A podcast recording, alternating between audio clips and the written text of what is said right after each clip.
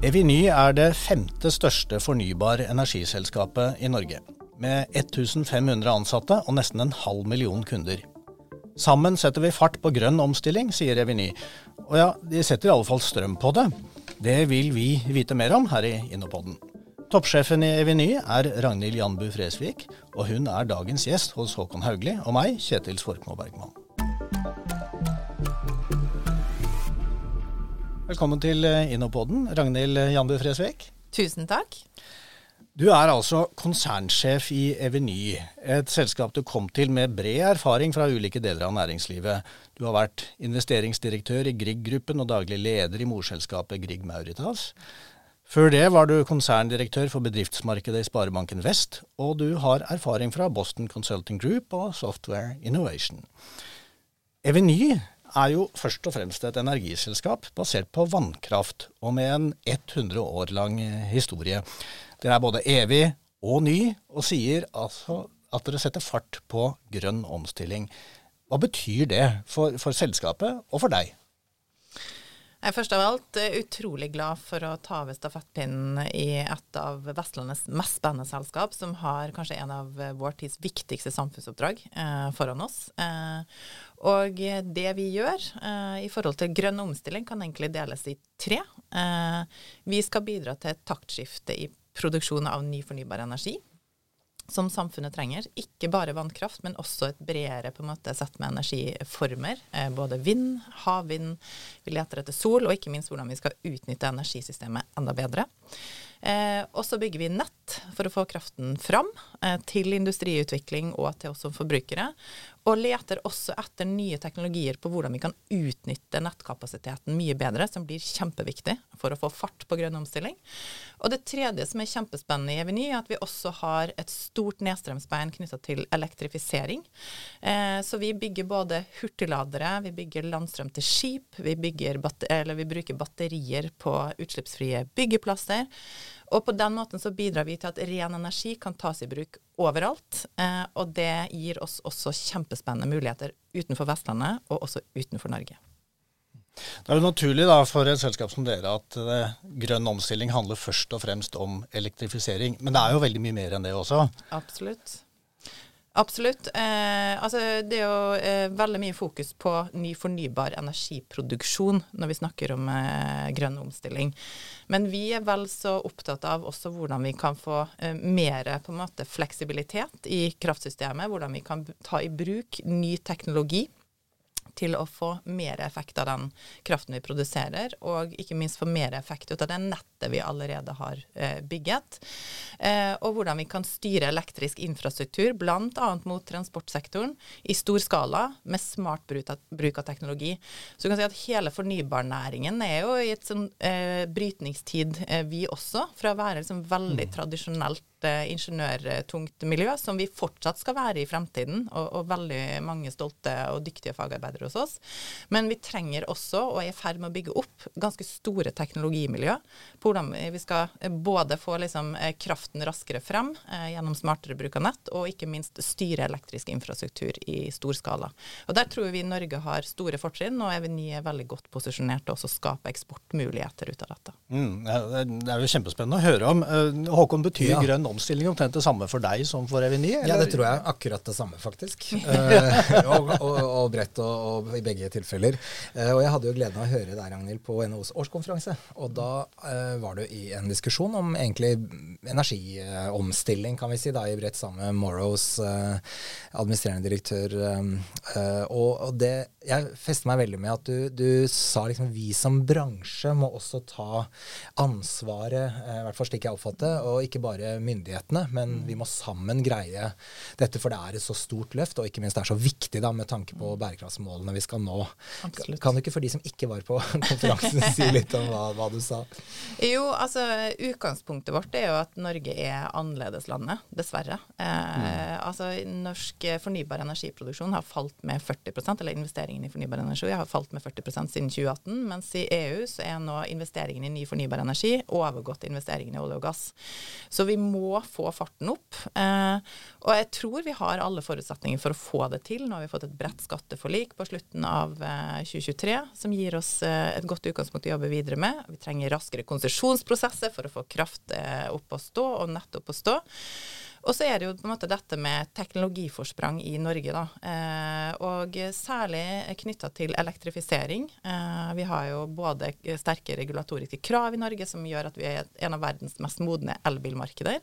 Og det er også grunnlaget for hvordan vi har bygget opp eh, ladevirksomheten vår så tror vi at det også finnes enorme eksportmuligheter eh, for norsk fornybarnæring. Eh, og vi vant jo eh, bl.a. i fjor høst eh, en stor eh, milliardkontrakt for utrulling av vår hurtigladevirksomhet i det tyske elbilmarkedet. Eh, med svært god hjelp og helt avgjørende støtte fra Innovasjon Norge. Så det synliggjør jo også at norsk fornybarnæring er offensiv og har på en måte store muligheter til å skape eh, verdi for samfunnet og eierne våre, også gjennom å eksportere løsninger. Ja, Det er jo nærmest en lissepasning til deg, dette Håkon. Jeg synes Det er så hyggelig å høre dette her, og jeg vet at eh, de av våre kolleger som jobber med dette, også syns det har vært så meningsfylt og, og, og um, gøy å jobbe med. og Det er jo lange prosesser, da, og det er en enorm fjær i hatten for Reveny. Og, og, jeg vil også si for Norge da, at vi er så langt fremme at uh, dere har denne teknologien som nå vil rulles ut. Og jeg tror jo at her er det Vi har dårlig tid, men hele verden kommer til å bygge ut den type ladeinfrastruktur. Så mm. eksportpotensialet er jo kjempestort. Og så er det litt sånn Ja, eh, greier vi å gjøre dette? Jeg er jo gjennomgående optimist, mhm. vil jeg si. Men vi skal ikke undervurdere at andre også har eh, sterk teknologi og, og kompetanse. Det mm. understreker viktigheten av at uh, aktører som Eveny er så på som dere er, og er eh, kontinuerlig tenker innovasjon og, og, mm. og teknologiutvikling. Mm. Og Du nevnte før vi gikk i studio at dere er i liksom en endring som selskap også, fra kanskje mm. definere dere og forstå dere selv som et kraftselskap til å mm. bli et mer teknologiselskap. Mm. Kan du ikke si litt om hva betyr det i praksis? Mm. Ja, altså nå har vi snakket mye om elektrifisering, og det er jo utrolig bra å se det innovasjonsteamet i Eveny har fått til, som er faktisk ganske unikt. Å bygge opp stor, ny, lønnsom forretning eh, i eh, et veldig etablert eh, konsern. Eh, og, og, det er jo gjort gjennom å putte på en måte et innovasjonsteam helt på siden av etablert virksomhet. Gi det liksom gode rammer økonomisk, gi det gode ressurser, og med et veldig tydelig mål om å bygge opp ny topplinje. Så man har liksom lykkes, lykkes med noe så vanskelig vanskelig som radikal innovasjon innenfor en, en stor etablert virksomhet som, som Eveny. Eh, og så er det jo klart at eh, hvis du går til kjernevirksomheten vår, som er liksom tross alt fortsatt produksjon av kraft og distribusjon av kraft, så trenger jo på en måte vår virksomhet og kraftsystemet en stor teknologisk revolusjon eh, for hvordan vi skal få dette til å henge sammen når vi får mye mer variabel kraft inn i kraftsystemet, eh, og hvordan vi skal få kraften raskere frem. Det handler ikke bare om å bygge, bygge, bygge nytt nett, men det handler også om å bruke teknologi smart for å utnytte nettet bedre. Og da trenger vi, eh, og er i god gang med, å bygge opp sterkere teknologimiljø som eh, skal gjøre dette mulig eh, i et kraftsystem som må i rekordfart bygges om. Eh, og sånn sett så blir også liksom, vi som kraftselskap et mer teknologitungt selskap, eh, også innenfor det som er kjernevirksomheten vår. Det er mange ting her som vi gjerne kan komme tilbake mm. til. Og, og, jeg har lyst til å høre litt mer om dette med, med endringen selskapet har vært Eh, har vært igjennom. For altså, dere startet med, med det som var Bergenshalvøens kommunale kraftselskap mm. i, i, 1920, og så er det altså på et helt annet sted i, i, dag. Hva slags omstilling har det egentlig krevd av dere for at dere kan innta en troverdig posisjon der dere er nå? Jeg tror jeg vil si at vi er fortsatt eh, den samme stolte identiteten for et tross alt ekstremt viktig samfunnsoppdrag, eh, også beredskapsmessig, med å sikre kraftforsyning. Så jeg tror liksom det er viktig å ikke gi slipp på den identiteten man tross alt har med seg, og den stoltheten som ligger i det. Og så tror jeg at skal man lykkes å liksom få til å bygge opp helt ny virksomhet i en så etablert organisasjon, så tror jeg man har gjort veldig mye rett i Eveny med å putte det helt på siden av etablert eh, kjernevirksomhet. Og, og det som er veldig gøy eh, for meg som en ny sjef å se, at når vi, etab når vi vant den tysklandskontrakten, Eh, og det ble lagt ut på Workplace, altså vårt intranett. Så tror jeg det er nesten ingen saker i 2023 som skapte så stor stolthet, så stort engasjement eh, i Eveny. Rett og slett for at jeg tror at det flyttet litt grenser for hele organisasjonen på hva vi kan få til eh, når vi virkelig på en måte bestemmer oss. Eh, så sånn sett så tror jeg at liksom vi skal både ivareta stoltheten over den identiteten vi har med oss, og så ser jeg med stor glede at vi også klarer å ha stor stolthet over det vi faktisk klarer å bygge opp helt på utsiden, som er helt unikt i norsk sammenheng. Og det er også unikt for at vi klarer å bygge opp lønnsom forretning her hjemme, eh, innenfor både hurtigladning og plugg. Og det tror vi også er forutsetningen for å faktisk få til eksportmuligheter, at vi har et lønnsomt og, og solid hjemmemarked å stå på. Det, sånn med leder som leder, da, det der med å bygge en eh, offensiv, altså kanskje risikotakende innovasjonskultur da, innenfor et selskap som både går veldig godt økonomisk, og som er stort, med en rekke måte, krav utenfra også, fra regulatoriske myndigheter og andre som skal etterleves. Og dere har måte, noen eh, si, faktorer hos dere som måte, ikke tilsier at dere er de mest innovative selskapet i verden. Og så samtidig så er dere det. Kan ikke du si litt om hvordan du som leder møter Det må være noen dilemmaer i dette, da, eller noen eh, utfordringer i å få det til? Så tror jeg skal være eh, raus til å si at det man har lykkes med også før jeg begynte, var jo på en måte å etablere en kultur i den, særlig den innovasjons- eh, og utviklingsavdelingen som ble bygget opp. Eh, En kultur hvor det var lov til å prøve og feile, og hvor det på ekte ble satt ressurser og et veldig tydelig mandat til å liksom finne ny topplinje.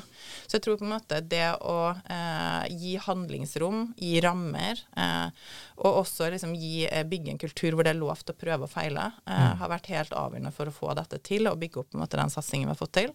Og så er det jo litt av den kulturen vi må klare å ta med oss over i kjernevirksomheten, som er produksjon og distribusjon, sant? som, som, som du sier er veldig regulert, er, er, er vant til lange prosesser.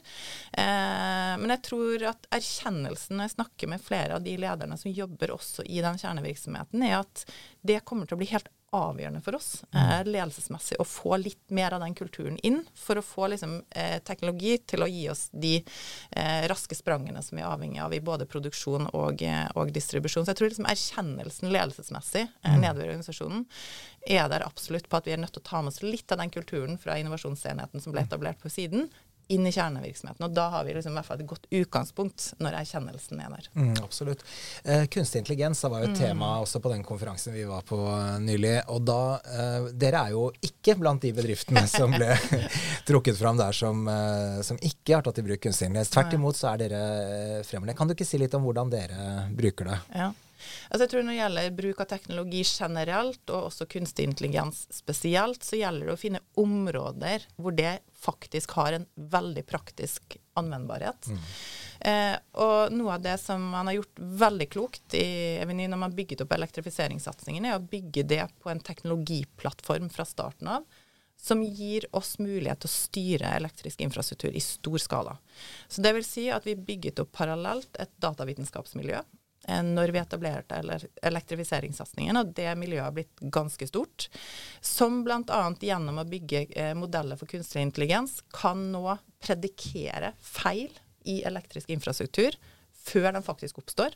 Så når vi f.eks. drifter stor ladeinfrastruktur til store skip i, norske havner, så har vi gjennom bruk av kunstig intelligens og på en måte våre eh, datamodeller kunnet avdekke Oi, nå kommer det til å skje en feil i på en måte den infrastrukturen, og kunne rette det, eller kunne ta tak i det. Så det er jo en sånn praktisk mm. use case, som det heter på fint norsk, på, på hvordan også kunstig intelligens og datastyring blir helt avgjørende. Og igjen tilbake til liksom, det kraftsystemet vi skal inn i. Og hvis du tenker transportsektoren blir jo en stor forbruker i kraftsystemet. Og fossilt har veldig mye negativt med seg i forhold til det å være en energikilde mot uh, f.eks. transport. Men den positive er at den er veldig enkelt tilgjengelig gjennom en pumpe. Mens det å styre store, eh, stor infrastruktur, eh, elektrisk infrastruktur i den skalaen vi skal frem til, det kommer til å ha en helt annen kompleksitet i seg. Og da trenger du god, eh, god teknologi og god datastyring i bånn. Og Siste eksempel for å nevne det også, er at når vi går inn i Tyskland med ladevirksomheten vår, eh, så er det et krav fra tyske myndigheter at de laderne skal automatisk kunne frekvensregulere. Dvs. Si at vi må kunne frekvensregulere ned effekten på laderne på signal fra nettselskapet for å kunne på en måte ha fleksibilitet i kraftsystemet. Og det kan vi levere på som Eveny, nettopp fordi at vi har teknologi i bånn på hvordan vi skal styre denne infrastrukturen. Mm. Så gøy å høre. Altså Jeg tok veldig med meg fra det med den diskusjonen om kunstig intelligens at jeg selv personlig er nødt til å lære meg mer. Ja, Hvordan står det til med din uh, AI-kompetanse? Jeg, jeg, tror vi er akkurat samme båt, eh, Håkon. Og så har jo vi, og det tror jeg sånn generelt som leder, så må man jo erkjenne at man ikke kan kunne alt, men man må være genuint nysgjerrig på de mm. fagområdene som kommer til å bli viktigere for virksomheten. Sant? Så jeg bruker jo mye tid til å prøve å forstå. Uh, Eh, og også ikke minst prøve å få se liksom, de praktiske, anvendbare eh, casene som vi mm. har i forhold til teknologi. Og det gjelder ikke bare innenfor elektrifisering. Jeg har hatt masse møter med, med datavitenskapsmiljøet vårt der, men ikke minst inn mot produksjonsmiljøet vårt og eh, nettselskapet vårt eh, på hvilke praktiske problemer er det vi må løse med ny teknologi for at vi skal levere på det taktskiftet som også trengs i produksjons- og distribusjonsmiljøet vårt. Mm. Jeg har lyst til at vi skal komme litt tilbake til den avtalen uh, i Tyskland. Der, mm. der, skal dere altså bygge ladestasjoner på 142 steder. Mm. Med til sammen 1232 uh, eh, ladepunkter. Hva, hva betyr en sånn avtale for dere? Altså, det gir oss jo en vanvittig bra startposisjon eh, i et eh, marked som kommer til å være en av de største på en måte elbilmarkedene, og således også lademarkedene i Europa. Eh, og så kommer jo, EU og Tyskland ligger jo ganske langt bak Norge i forhold til utrulling av både elbiler og ikke minst ladeinfrastruktur. Så dette markedet kommer jo til å bli enormt stort. Så dette er bare en start på liksom det å vokse, vokse i et stort, stort marked. Eh, og du kan si at den milliardkontrakten, og det i det hele tatt at ikke bare vi i Eveny, men også Statkraft sitt mer. Altså vi er to norske virksomheter som vant maksimal tildeling. Vi er to norske virksomheter som har fått milliardstøtte fra den tyske stat. Hvor ofte skjer det, liksom? Eh, det er vi jo grådig kry over, da. Eh, men, men, eh, men, det er klart at det gir jo oss eh, en, en fantastisk startposisjon, uten at vi trenger å stille med all kapitalen sjøl. Vi skal investere ca. en halv milliard og får altså en milliard eh, i støtte, investeringsstøtte da, fra den tyske stat. Vi kommer raskere i gang.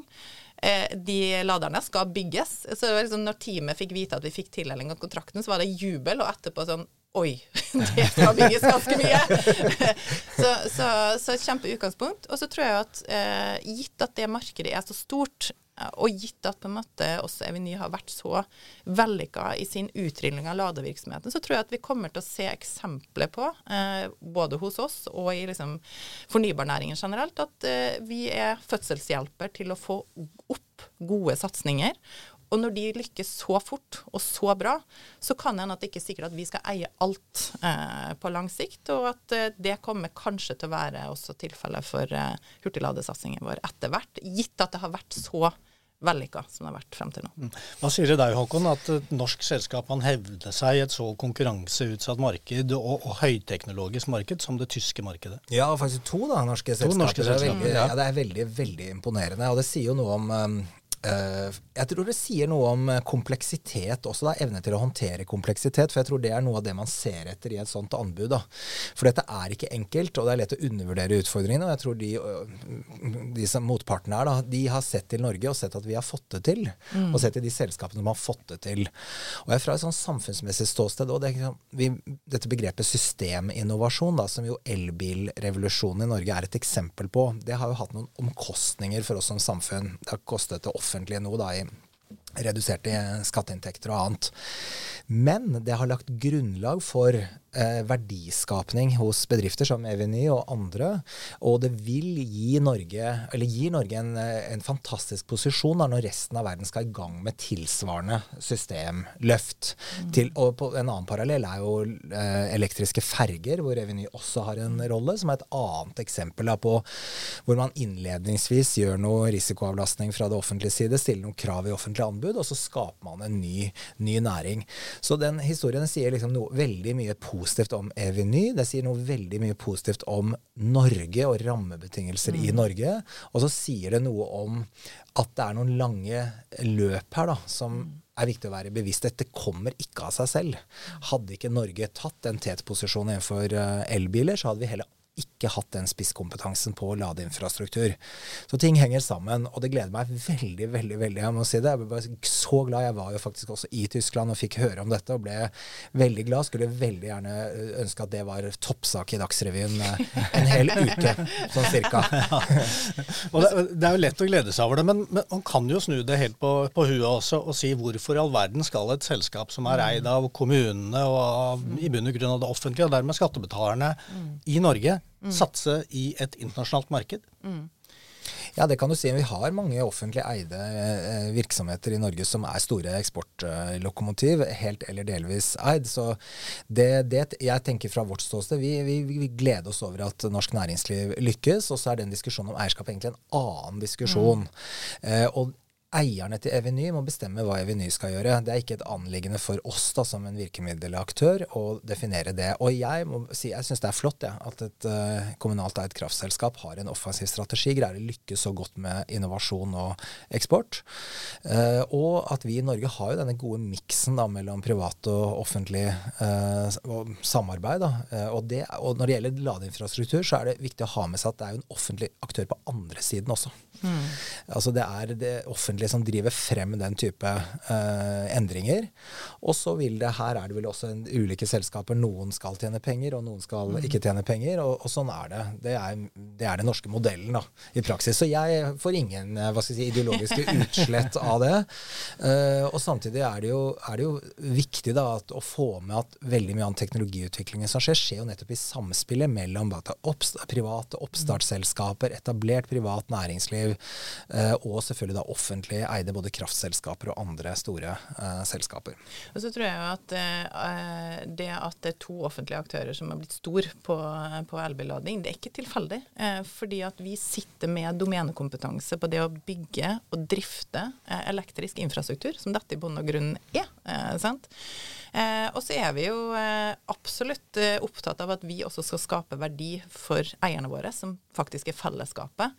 Og derfor også ganske stolt over at vi har bygget en ladevirksomhet eh, som startet på Danmarksplass, som ble bredet ut i Bergen, eh, til Norge, Norden og nå Tyskland, faktisk også har skapt verdier for eierne våre. For når vi ser hva vi har investert i hurtigladevirksomheten vår, og vi benchmarker på nøkkeltall mot børsnoterte ladeselskaper, så har vi skapt verdier også for eierne våre. Og vi har skapt arbeidsplasser, kompetansearbeidsplasser, eh, i Bergen og på Vestlandet.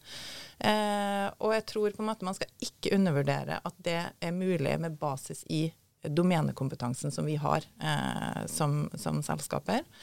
Eh, så jeg, vi har ikke fått noe eh, kniss, knirke rundt dette fra, fra våre eiere. Men, men, det er klart at på, en på et eller annet tidspunkt så, så, må man jo spørre seg hvor mye kapital skal vi stille med alene sant? når man kommer inn i, i veldig store markeder. Og, og, da tror jeg liksom at eh, det at vi også som næring og, og generelt, og, og Eveny også, at vi er pragmatiske på om vi skal eie absolutt alt selv til evig tid. Det tror jeg på en måte er en, en sunn diskusjon. Og, og, kanskje er det også sånn at det å få inn en partner på noen av satsingene etter hvert også muliggjør å skape enda større verdier, fordi at du kan vokse eh, raskere. Man kan jo også snu det spørsmålet rundt igjen da, enda en gang og si at vi har, det er nå engang slik at kraftbransjen er, i Norge er oppbygd sånn som den er, med det eierskapet vi har. Mm. Så kommer disse mulighetene da, i utlandet for å, gjøre, for å utnytte den kompetansen. Skal vi da, fordi vi mener offentlige selskaper ikke skal drive med næringsvirksomhet, si nei? Mm. Hva, gjør, hva, gjør, det da med vår posisjon i verden, og hva gjør det med liksom, det ansvaret jeg syns vi alle sammen bærer da, på å bringe grønne løsninger eh, ut til de, dit de trengs? Så jeg, på andre områder områder så kan det være slik at offentlig næringsvirksomhet fortrenger privat næringsvirksomhet. Men slik er det ikke når det gjelder mm. kraft, fordi det er så stedsbundet, den produksjonen som skjer. Og det eierskapet er etablert over veldig lang tid. Så jeg, dette er vi veldig avslappet på, i hvert fall Innovasjon Norge. Og interessant. Og, og så tenker jeg er kjempeinteressant det du sier, Ragnhild, om å ta inn andre eiere mm. og utvide. fordi dette vil jo kreve, tenker jeg, også et økosystem av teknologiinnovasjon. Mm. Mm. For vi aner jo ikke hva ligger liksom i hver neste fase, og neste mm. fase etter det igjen av det som kommer. Så det blir veldig spennende å følge med på mm. hva dere gjør der. Ja, og nettopp det du sier. Liksom, for å være en del av et økosystem, så har vi også, som du nevnte innledningsvis, et eget ventureselskap, Eveny Ventures. Eh, nettopp fordi at på en måte energiomstillingen må gå så raskt. Det kommer til å eh, kreve så mye utvikling av ny teknologi. Så tror ikke vi at vi kommer til å finne alle svarene sjøl. Derfor så har vi etablert et selskap som skal hjelpe oss å lete etter andre teknologiselskaper, som kan være interessant også for Eveny i på en måte et anvendbar eh, case.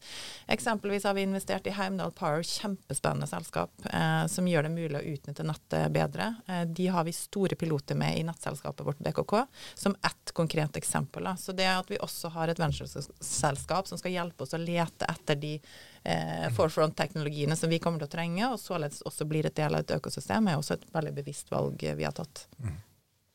Applaus.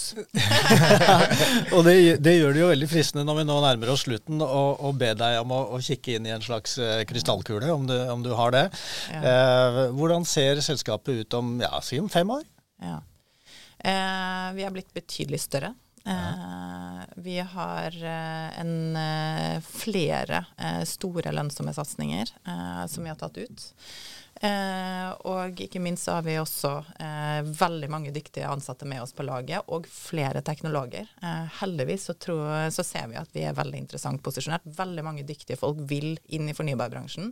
Vi trenger også å få øynene opp for teknologer inn i fornybarbransjen. Og da tror jeg rett og slett vi runder av denne episoden av Innopoden. Takk for at du var med, oss, med oss Ragnhild Janbu Fresvik, konsernsjef i Eveny. Og takk til Håkon Haugli. Mitt navn er Kjetil Svorkmo Bergman. Vi høres igjen i Innopoden.